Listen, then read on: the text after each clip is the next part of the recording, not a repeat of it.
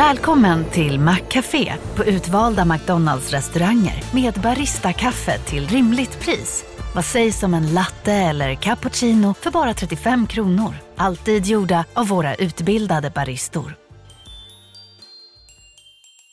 Hej, Susanne Axel här. När du gör som jag och listar dig på en av Krys vårdcentraler får du en fast läkarkontakt som kan din sjukdomshistoria. Du får träffa erfarna specialister, tillgång till lättakuten och så kan du chatta med vårdpersonalen. Så gör ditt viktigaste val idag, lista dig hos Kry. Från Monopol Media, det här är Kapitalet. Jag heter Gunnar Harjus. Jag heter Elinor Alborn. Gott nytt år Elinor. Gott nytt år. Um, har du haft ett bra år hittills? Mycket bra, tackar. Ja, det här vet vi inte för vi har nyårsledigt och spelar in det här innan nyår. Ja. Men vi gissar att du hittills haft ett kanonår. Vi gissar. Vi gissar. Um, vi ska sända ett avsnitt av Kryptoteket idag, men vi lovar, trots att det handlar om krypto så är det kul. Det är det faktiskt. Det här är verkligen eh, mitt favoritavsnitt skulle jag vilja säga. Just det. Eh, det handlar typ om ekonomi och eh, politisk filosofi och hur man ser på världen. Är det okej okay att säga? Mm. Ja, vad bra. Men det börjar med en summering av allting som någonsin hänt med krypto. Det börjar med Satoshi Nakamoto. 2009 skapar han, eller hon, sitt Genesis-block det första blocket att någonsin minas på bitcoins blockkedja. I det första blocket skickade Satoshi med ett litet meddelande. The Times 3 januari 2009 Chancellor on brink of second bailout for banks.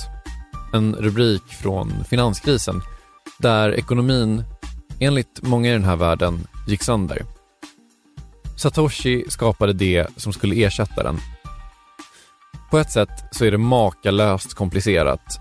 På ett annat sätt så är det ganska lätt. Om du vill föra över pengar från en person till en annan utan att använda en bank eller en annan central punkt så kan du istället använda dig av massvis av punkter.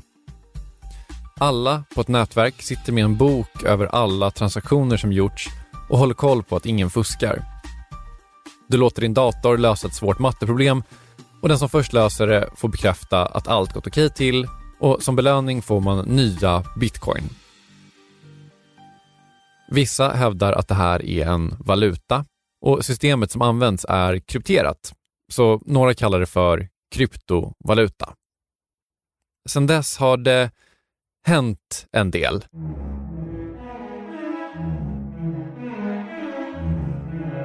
Värdet på bitcoin i vanliga pengar, så kallade fiatpengar, sköt i höjden.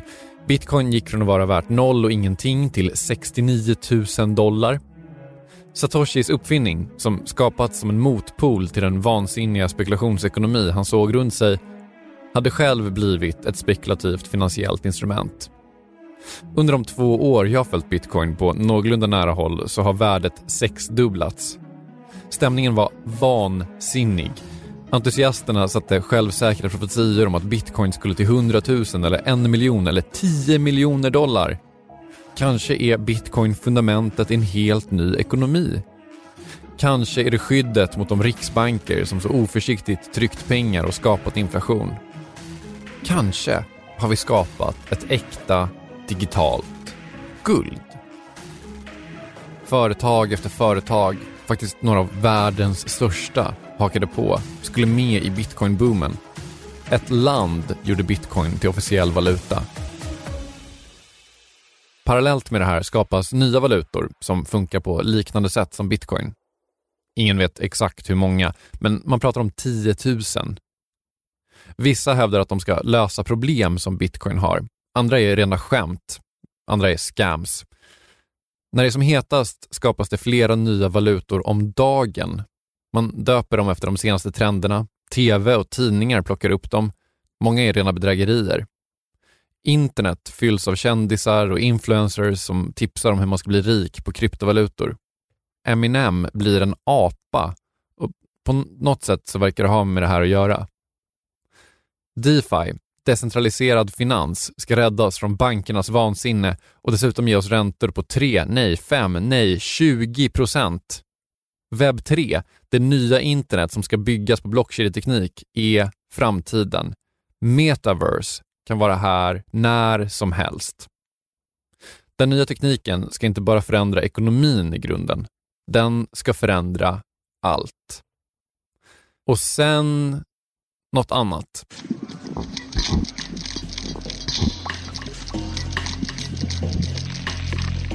Krig, räntehöjningar, inflation. Luna, världens sjätte största kryptovaluta, gick till noll. Bolag efter bolag börjar visa upp problem. Myndigheter börjar visa intresse för kryptosfären. Vissa bolag undersöks av polisen.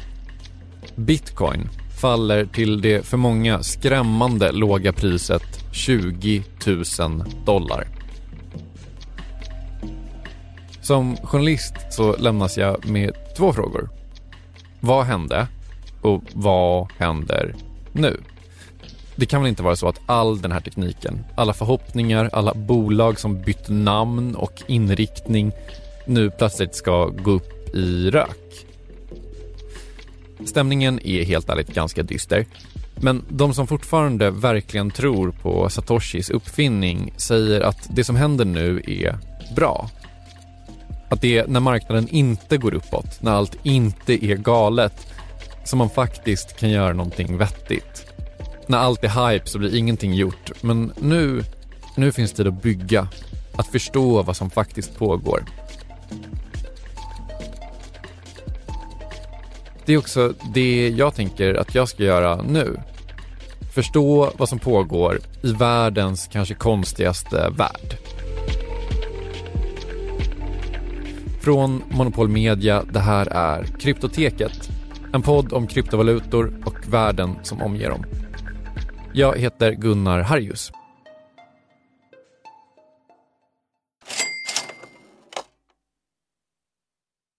Kapitalet sponsras av SPP och Storebrand Asset Management. Eh, Storebrand och SPP hör ju ihop sedan många år och utan att gå in på några detaljer här och nu så kan vi i alla fall säga att eh, Storbrand Storebrand förvaltar över 1200 miljarder kronor, bland annat åt just SPP.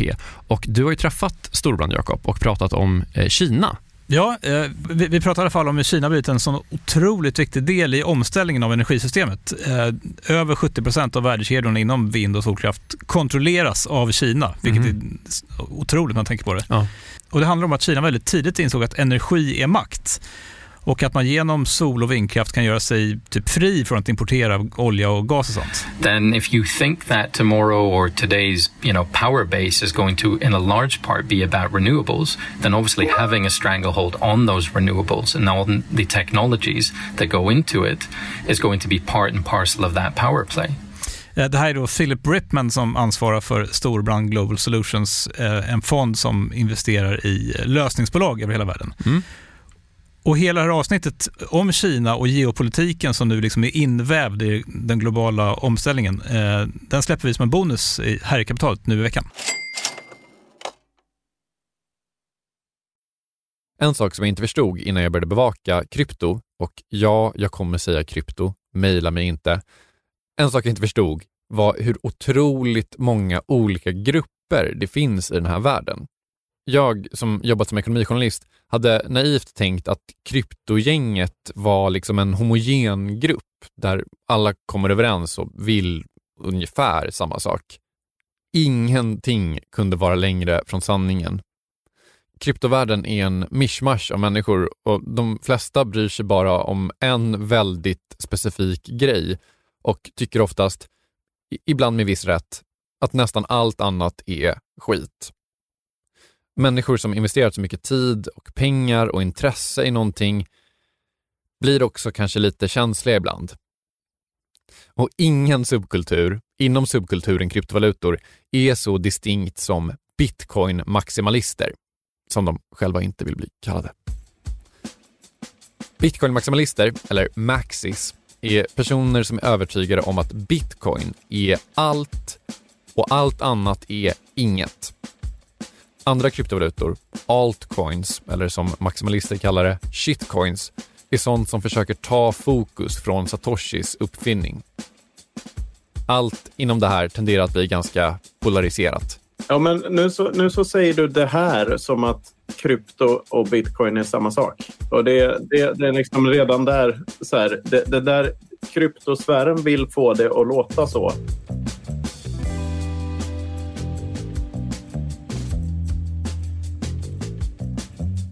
I Sverige finns det nog ingen större, eller i alla fall kändare, så kallad bitcoin-maximalist än Knut Svanholm. Han är känd inom krypto, eller man kanske ska säga bitcoin generellt, även utanför Sverige. Han har skrivit flera böcker om bitcoin och är upphovsman till ett populärt uttryck inom bitcoinvärlden. Everything divided by 21 million. Det brukar skrivas ut som ett oändlighetstecken delat med 21 miljoner. Han har själv symbolen på en t-shirt när jag pratar med honom. Tanken är alltså att bitcoin så småningom ska sluka allt. Att vi ska leva i en bitcoin-ekonomi. Hyper-bitcoinization. Då kommer allting att värderas i bitcoin och allting kommer då att gå att dela med 21 miljoner. Det totala maxantalet bitcoins som någonsin kommer att finnas. Det är såklart en otroligt radikal idé. Inte bara tekniskt utan kanske framförallt politiskt. När jag började bevaka krypto så måste jag erkänna att gruppen bitcoin-maximalister var lite skrämmande. Och kanske av den anledningen så har jag inte riktigt tagit mig tid att förstå dem. Men jag tänker att det här är en bra startpunkt för podden. Att åtminstone förstå en bitcoin-maximalist. Det finns ganska mycket att ta i här. Vad bitcoin-maximalister tror att bitcoin kan bli, hur det ska bli det varför de tycker att det är oundvikligt att bitcoin ska ta över världen. För just Knut Svanholm så är hyperbitcoinization en idé som växt fram steg för steg från det att han upptäckte bitcoin. Jag började aktivt hålla på med det 2016 eh, och gick en onlinekurs eh, på ett eh, universitet på Cypern som hade en sån online introduktionskurs i digitala valutor eller vad det, vad det hette med Andreas Antonopoulos som en av lärarna. Så gick jag igenom den kursen och trillade djupare och djupare ner i kaninhålet och eh, började skriva artiklar om bitcoin 2017. Finns det någon liksom, eh, ögonblick där du ändå bestämmer dig för att du ska ändå, alltså alla som hört talas om bitcoin signar inte upp sig på en cypriotisk onlinekurs liksom. Finns det något eh, ögonblick som är så här typ, ja men nu, du fattar intresse för det på ett mer aktivt sätt? Ja, alltså jag tänker tillbaks på när jag var, gick sista åren i gymnasiet, eh, mitten på 90-talet och internet började ta fart ordentligt. Eh, då, då, då, jag, jag, kunde liksom se att det här kommer förändra hela världen och de, de flesta runt omkring mig såg inte det. Utan eh, liksom trodde att det var väl bara någon fluga eller någonting. Men eh, ju mer man tänkte på det, desto mer fattade man att liksom, shit, och koppla ihop alla datorer i hela världen, det är rätt fett. Eh, det kommer, det kommer leda till mycket. Eh, vid den tiden så, så, agerade jag inte på det. Alltså när man är runt 20 så kanske man inte fattar att man borde agera på saker och ting. Eh, sen när bitcoin dök upp och hela den här idén om någonting på, i, i datorvärlden som inte gick att kopiera utan som fanns en begränsad mängd av den tanken var så fascinerande för mig så att, så att jag var tvungen att agera på den och lära mig mer om det. För eh, alltså är det någonting man lär sig om datorer tidigt så är det att allting går att kopiera. Så hela tanken på här var någonting i datavärlden som inte gick att kopiera. Det, den, den tanken var väldigt, väldigt fascinerande.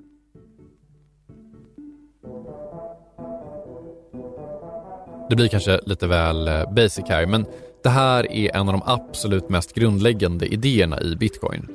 Det går inte att kopiera. Eller, att det är en av de mest grundläggande idéerna är kanske fel ord. Det här är problemet som bitcoin vill lösa. The double spending problem. En otroligt bra sak med datorer, eller internet, det är att om jag har en pdf och så skickar den till dig, då har du en exakt kopia av den pdfen. Man skulle till och med kunna argumentera för att du har samma pdf. Och Det här är ju toppen om du vill dela med dig av pdf-er på internet. Men om du har pengar som du vill skicka över internet, då är ju det här ett jävla problem. Om jag skapar en ny sorts internetpengar, säger att de har ett värde och skickar dem till dig som betalning för någonting, hur vet du då att jag inte har kvar dem också? Bitcoin är en lösning på det här problemet. Med hjälp av kryptering och blockkedjeteknik så skapar bitcoin en digital knapphet.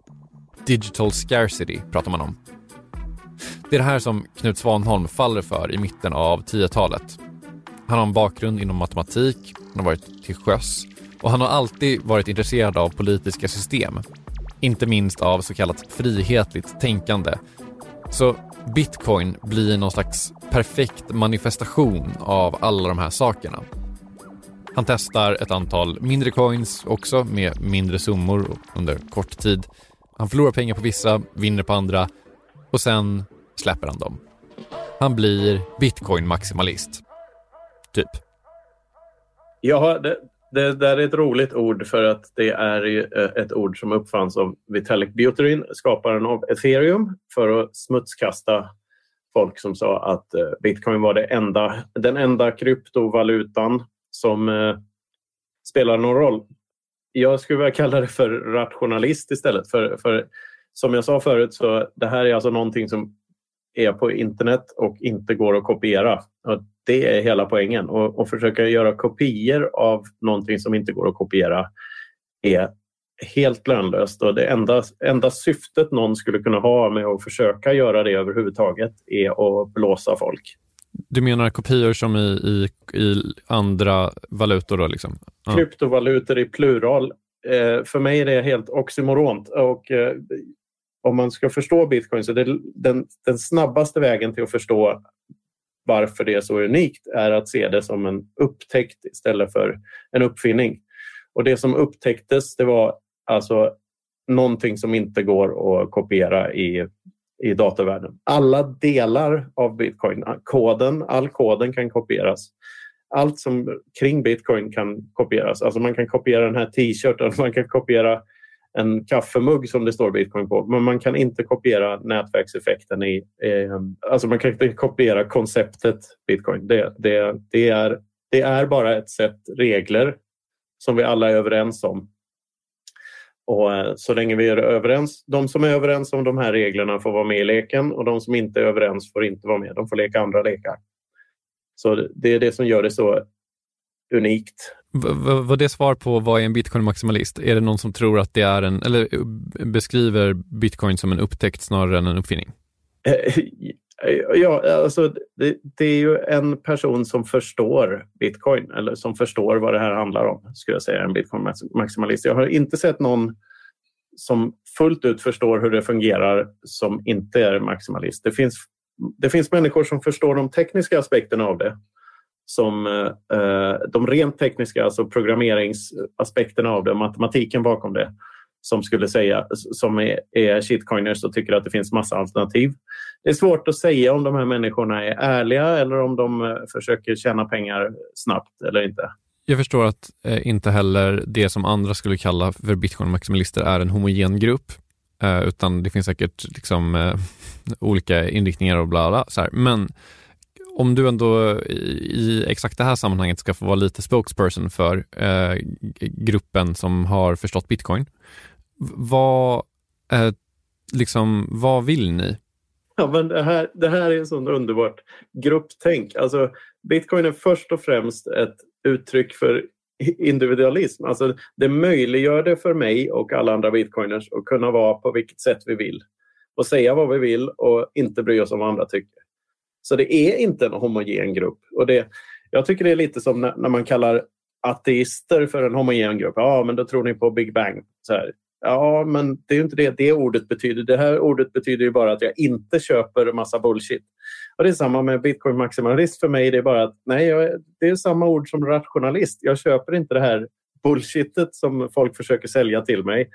Utan, eh, men, men jag accepterar att bitcoin eh, Eh, förmodligen fungerar och förmodligen kommer fungera länge. Och eh, bara, bara tanken på att det skulle kunna fungera gör det till det bästa binära bettet som finns på planeten och som har funnits på planeten. För att det kan verkligen ta med sig hela världsekonomin vid, vid någon punkt i fram, eh, framtiden.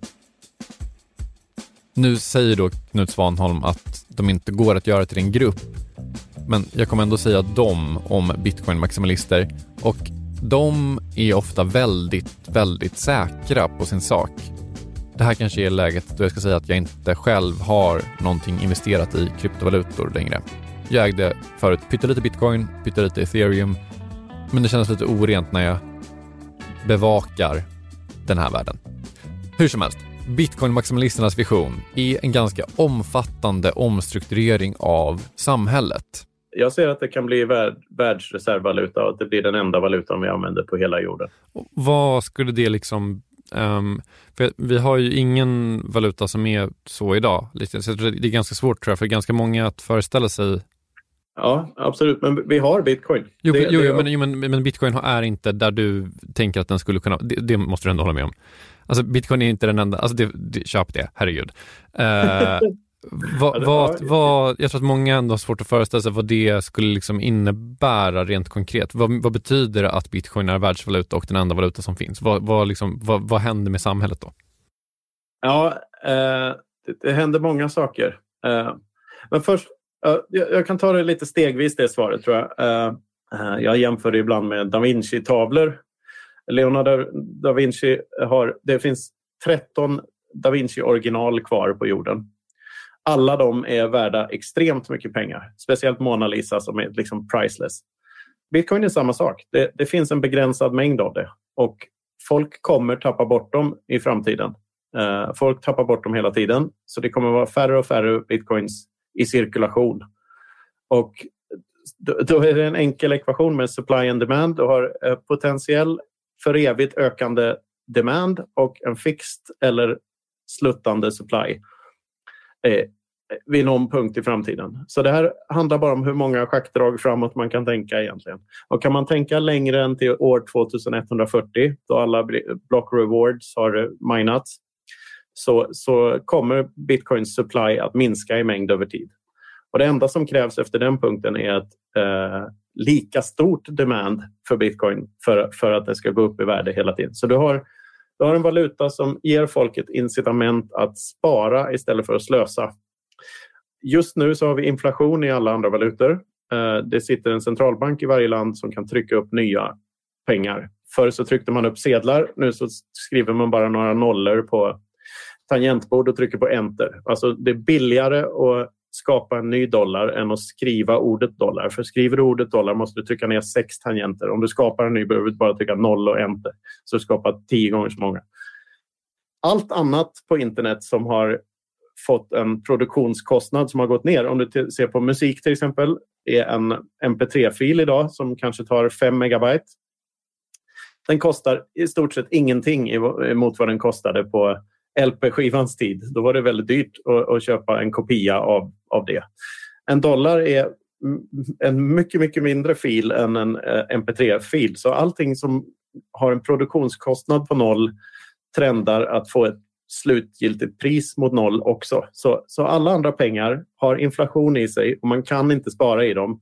Vi är, vi är forcerade att köpa tillgångar istället. Att köpa hus, eller köpa aktier eller köpa guld eller vad, vad det är för att till och med bara behålla värdet av vad vi har, vad vi har jobbat ihop under våra liv. Så idag har alla, alla länder utom fyra har statsskuld.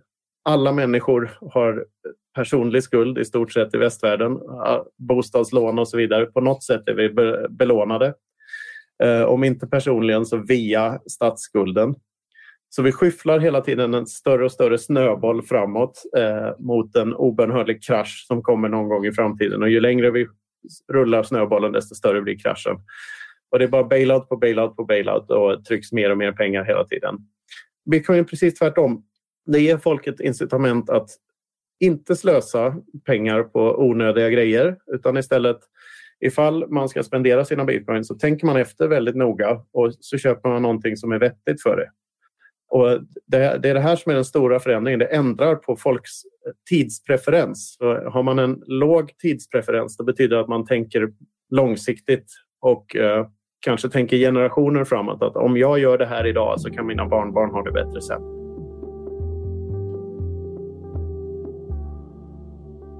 Det här är en annan nyckel till att förstå bitcoin-maximalismen. Tidspreferens är ett begrepp som kommer från den så kallade österrikiska skolan Eh, har du inte hört talas om den så är det okej, okay. den är inte så mainstream. Det är en ekonomisk skola som företräds av personer som Ludwig von Mises och Friedrich Hayek brukar ibland räknas in. Den kan väl summeras som att den har en väldigt frihetlig take på ekonomi. Minimal stat, individen och marknadens frihet och ansvar. Libertarianism är väl en hyfsat närbesläktad ideologi. Österrikisk ekonomi är också en teori om hur pengar funkar och inte funkar. De flesta teoretiker som är lite mer mainstream inom ekonomi menar till exempel att deflation är en objektivt dålig sak. Jag har hört ekonomer beskriva det som den ultimata fienden i och med att den leder till att folk inte konsumerar. Om du har pengar idag som kommer vara värt mer imorgon, varför skulle du då göra dig av med det idag? Men Knut och andra österrikare ser det på ett annat sätt. Han ser att en valuta med inbyggd deflation snarare skulle leda till att folk fattade bättre beslut. Det finns en bok som heter The Bitcoin Standard av Seifuddin Amos där bitcoin beskrivs som the missing piece i den österrikiska skolans pussel i och med att den möjliggör en fri marknad med en valuta utan inflation inbyggd i sig. Och bitcoin är liksom det ultimata uttrycket av det, för man kan liksom opt-out på ett sätt som aldrig var möjligt förut och bara sluta bry sig om eh, flockmentalitet och, och börja umgås med andra individualister som är, oavsett vilket land de bor i och få ett kontaktnät som är helt abnormt mycket bättre än det man har haft innan. För, för att det bara raserar alla gränser och skulle man behöva så vet man att man kan eh, teleportera pengar till andra kontinenter eh, för nästan ingen kostnad alls. Eh, så ja, det är bara, det bara bättre allting i, i bitcoinvärlden. Ja, okay, det här kanske är en, en eh, konstigt detaljerad fråga att ställa efter den här ganska eh, breda, liksom, vad ska man säga, liksom utopiska utläggningen. Men eh, är det verkligen så himla praktiskt att ha en valuta som man kan, eh, som du beskriver, liksom tappa bort på ett sätt som bitcoin eh, går att göra? Uh, ja, det är det för, för, att, för att det tvingar folk att ta personligt ansvar. Eh, och det, det tvingar familjer att bygga upp strukturer där, där man tar ansvar för, för sig själva och eh, de nära och kära man har som inte är kapabla att ta ansvar. Eh, och, och det, det blir ett, ett, ett personligt ansvar som är... Alltså ansvar är andra sidan på frihetsmyntet. Man kan inte ha mer friheter utan mer ansvar. Det kommer alltid med mer friheter kommer mer ansvar. Det är Fråga Spindelmannen. Alltså, det, det är... Eh, och jag tror det är en jättebra grej. Alltså, ju fler möjligheter man har att lära sig av sina misstag desto mer möjligheter har man att faktiskt bli bättre på saker och ting. Folk som aldrig får lära sig av sina misstag. De, de begår samma misstag eh, over and over again och det är därför jag tror, jag tror mycket av misären i samhället kommer ifrån att man har tagit bort folks chans att lära sig av sina misstag.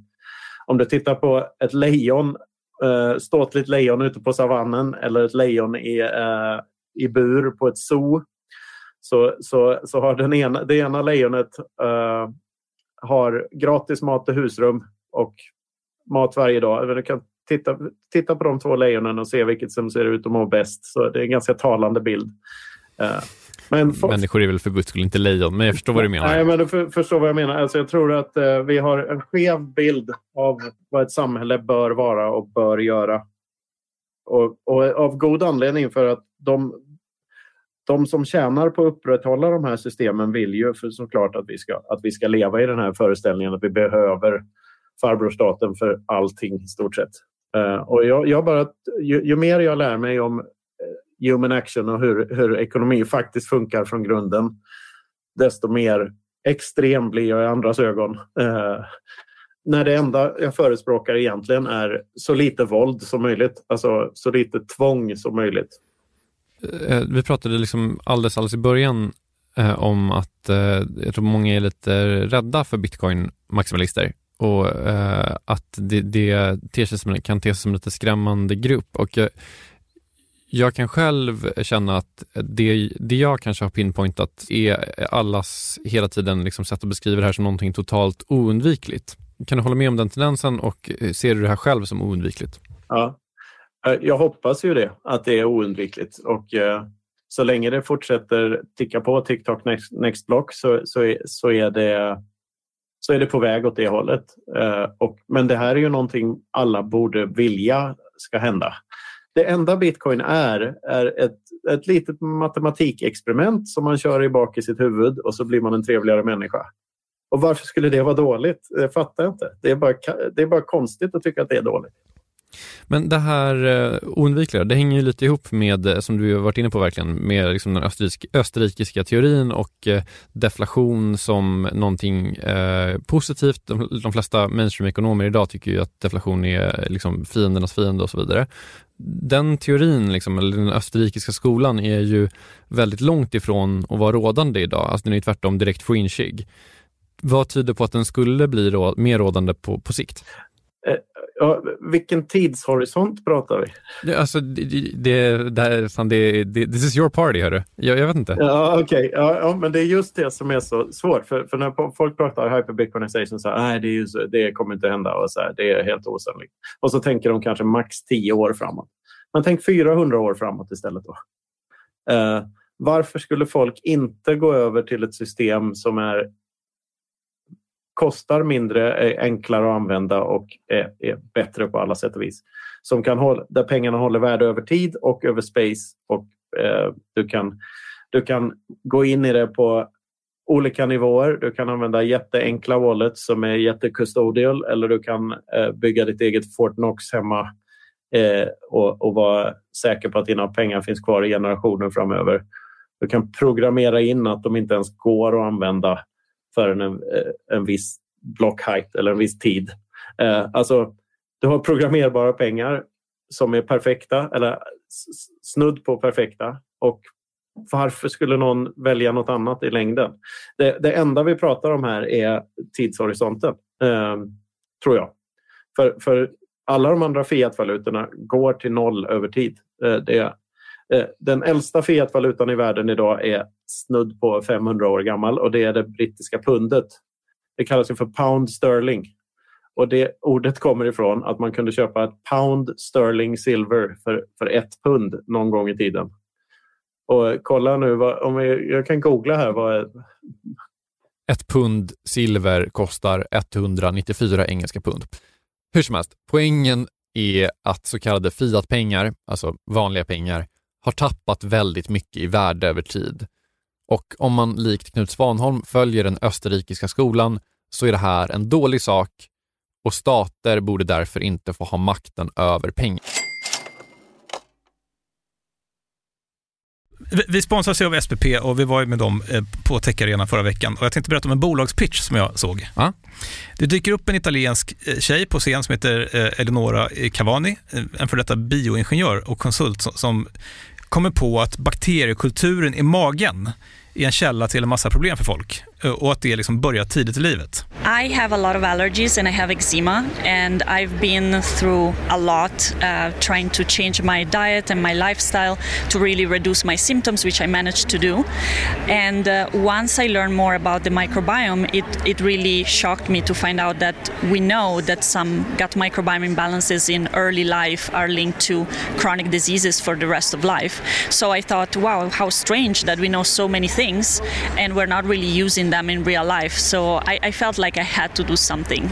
Så hon startar något som heter Alba Health, jag eh, förväxlar med Alba Golf som vi gillar, eh, där småbarnsföräldrar kan skicka in prover från sina barn. We send you a kit. Um, it's a test that you can take at home. We need a poop sample. You can take it from the diaper. We receive it, we analyze it, we give you back results and recommendations on uh, lifestyle, food and uh, potentially probiotics. Och, och folk kommer liksom tycka att det är lite äckligt och sånt, men jag kände så här, det är så mycket negativitet i världen just nu. Eh, och du var inne på det tidigare, liksom att det här stället var ju fullt med folk som typ vill göra grejer. Mm. Och här springer omkring liksom sjukt duktiga människor och bara försöker förbättra för folk och göra världen till en bättre plats. Och Eleonora då och Alba Health är ju liksom ett sånt gäng som var där. Mm. Av liksom hundratals. Ja. Eh, och det gjorde mig glad faktiskt. Ja, nej, det, jag tycker det lät toppen och grejen är också att sådana här idéer och projekt som förbättrar samhället över tid, de tar tid eh, och behöver liksom långsiktigt kapital. Och då kan ju vi genom pensionerna göra stor skillnad. Jag ska säga att SPP har ingenting med Alba Health att göra. Jag, jag hittade henne bara, jag tyckte hon var duktig. Caset finns ju och det är väl den här typen av saker som kan ta väldigt lång tid, där pensioner verkligen kan göra skillnad och där liksom pensionernas roll i ekonomin kan bli extra tydlig. Och den kopplingen tänker man inte på så, så ofta. Nej, men eh, med den kopplingen in mind så säger vi tack till SPP som gör oss medvetna om pensionernas roll i ekonomin och herregud, i vår privatekonomi också. Precis, tack. Tack.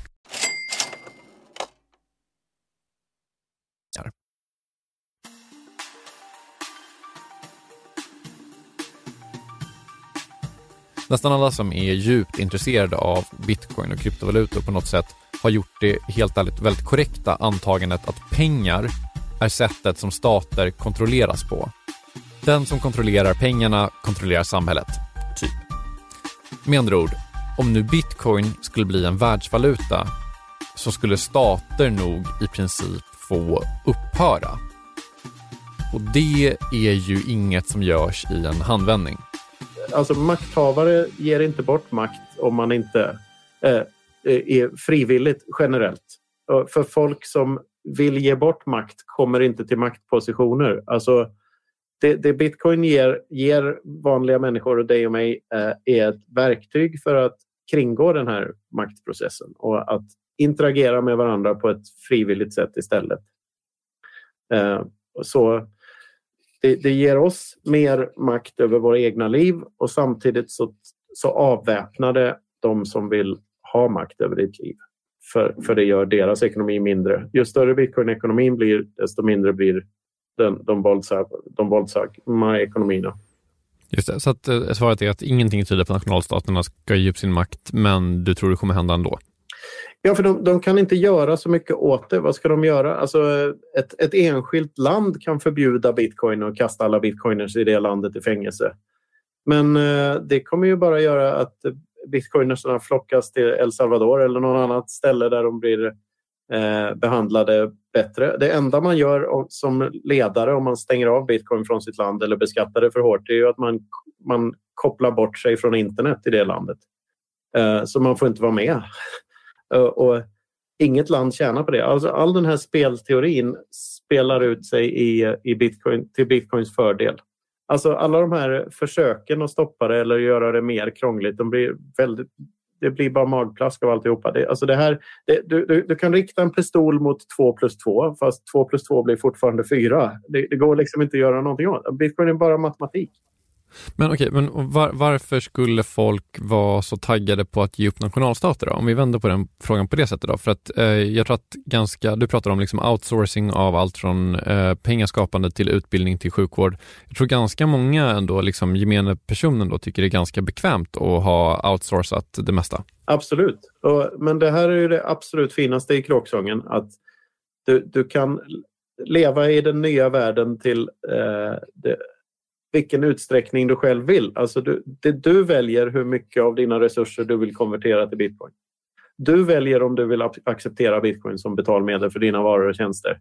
Ingen annan bestämmer det åt dig, utan det är helt och hållet upp till dig. Ja, precis. Jag, men, jag, är inte, jag är inte inne på frivillighet där, utan jag pratar om sannolikhet. Hur sannolikt är det att folk ska eh, släppa det för, ändå förhållandevis bekväma konceptet nationalstater? Ja, men, ja det, det, men det här är ju inte binärt och det är ingenting som sker över natt utan, utan på, på vägen till hyperbitcoinization så kommer, och på väg framförallt till fiat-valutornas kollaps så kommer nationalstater och alla trygghetssystem eh, som är inbakade i dem att, att fungera sämre och sämre. Och Då är det jättebra att det finns en krockkudde, att det finns ett alternativ att, att ty sig till om man tycker att oh shit, jag kan inte lita på att jag får sjukvård i Sverige längre för att jag får stå i flera månader i kö här trots att jag har brutit armen. Det kanske vore bra att ha lite pengar eh, åsidosatt här så jag kunde lösa det här själv ifall jag så behöver. Och, och då kommer folk automatiskt dras åt att ta större ansvar själva.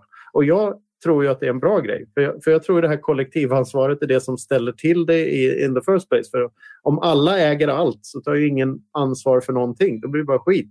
Det är en vektor. Liksom. Det, det, nu finns möjligheten speciellt för entreprenörer och nyfikna människor och människor som är modiga att uppgradera sitt operativsystem till någonting bättre. Och ju längre tiden går, desto fler kommer göra det. Och ofta liksom väldigt driftiga personer först och eh, stora massan efteråt. Så nu, nu har man ju chansen som individ att, eh, att, att göra det här draget före alla andra. Så börja acceptera bitcoin som betalmedel. Det är eh, enormt, enormt eh, bra grej att göra.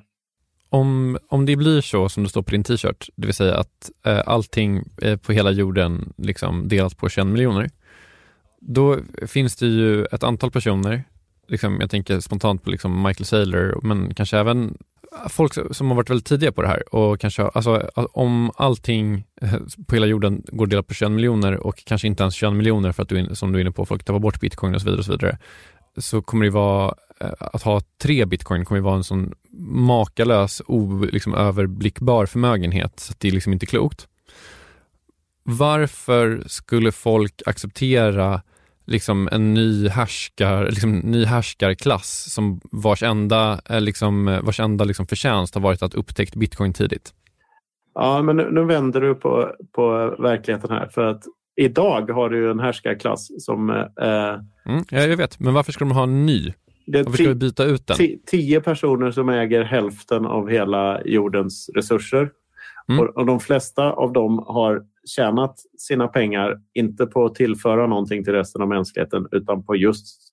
Alltså, de lever på att de har varit nära sedelpressen helt enkelt. I bitcoin skapas det inga nya pengar, så, så efter, efter de är, så att säga, for lack of a better word, fördelade på hela jordens befolkning så är det enda sättet att ackumulera nya att tillföra något av värdet till en annan människa. Du kan inte skaffa mer bitcoin genom att Eh, eller det, det, är mycket svårare än i Fiat att, att skaffa fler bitcoin genom att hota någon eller genom att trycka upp nya euros. Du, du kan inte göra det längre. Utan när, när, hela bitcoin, när alla är på en bitcoin-standard så är enda sättet att tjäna pengar på någon annan att tillföra något av värde tillbaks. Och det är, det, det är så en ekonomi bör funka. Alltså, alla människor tjänar på att en eh, hela ekonomin blir större och bättre. Och, i, i, en sån ekonomi går alla priser neråt och alla får det bättre. Alla tjänar på att folk är bra mot varandra. Ingen tjänar på att folk hotar varandra. Alltså, det här är... Och sen visst, man har en fördel av att vara tidigt in i bitcoin. Och de som har mer fiat har, har råd att, att gå in tidigt före alla andra. Men Michael Saylor, han kom in för mindre än två år sedan. Jo, men i ett 400 års perspektiv så är det så tidigt så att det inte är klokt. Ja, men du har ändå haft, gemene man, alla andra på jorden har haft tio år på sig att vara före Michael Saylor. Mm. Med det sagt så kommer det ju finnas personer som kommer vara nästan oöverblickbart rika ju, eh, för att de var tidiga på bitcoin. Det finns mm. det nu också. Precis, men jag menar, det, det problemet, om man ser det som ett problem, löser ju inte bitcoin. Eh, men varför är det ett problem? Nej, men det, det är klart att det finns folk som tycker att det är ett problem att vi har extrem ojämlikhet. Jo, men det, det där är ju också så jättekonstigt. Alltså det där är en typisk så här, konstig grej med mänskliga hjärnan. Alltså det man, om man ska jämföra sig med någonting så ska man väl jämföra sig med sig själv längre bak i tiden. Eller sina förfäder eller någonting sånt. Har jag det bättre än vad min eh, farfar hade det? Det är väl en bra utgångspunkt. Alltså, det är klart att det finns någon oljeshejk som har det bättre än vad du har det. Så har det alltid varit. Och uh, att, att klyftorna är så stora som de är idag och större än de någonsin har varit är bara på grund av fiatvaluta. Det är den absolut största ors orsaken till att det är så. Så om det nu dyker upp någonting som fungerar tvärtom så, så, så det, det, är ju inte att spä på problemet ännu mer, det är att lösa problemet.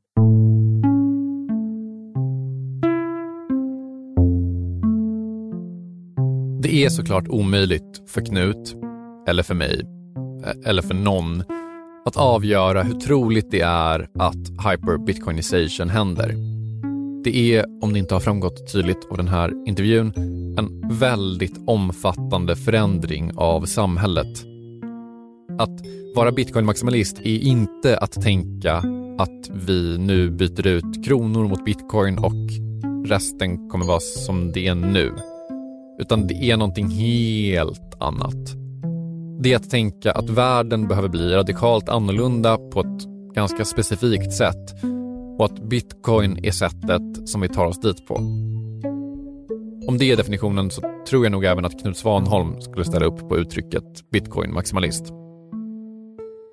Det här ordet maximalist kommer tillbaks om och om igen. Och som, som sagt, jag ser det bara som... Eh... Jag har inte sagt det mer än fyra gånger tror jag, den här intervjun. nej, nej. nej det, eh, jag syftar inte bara på dig, utan generellt i, i den här världen så hör man ofta det där ordet slängas fram och tillbaka. Så det, jag, jag förstår inte varför det skulle vara så himla nedsättande dock. Varför ordet maximalist skulle vara så nedsättande. Nej, ja, nej alltså maximalister har ju sen, sen, sen det uppfanns det ordet börjat, eh, alltså tagit det och eh, wear it as a badge eller vad man ja, kallar det för. Det så, tycker jag är klokt. Absolut, och jag kan absolut gå med på att jag är bitcoin-maximalist om det är det man vill kalla det. Uh, men det, det, det finns, och jag har en kompis som har en så bra quote, uh, Alan Farrington som har skrivit Bitcoin is Venice. Uh, han har sagt att han funderade länge på varför det var så att bitcoin-maximalister kunde så mycket om så mycket annat. Uh, men så kom han fram till att det, det, är precis tvärtom. Folk som kan mycket om många olika saker blir bitcoin-maximalister. För att det, det är liksom slutsatsen man drar om man har liksom ett hum om matematik och samtidigt som man har ett hum om filosofi eller, och ekonomi eller ja, många olika kunskapsgrenar.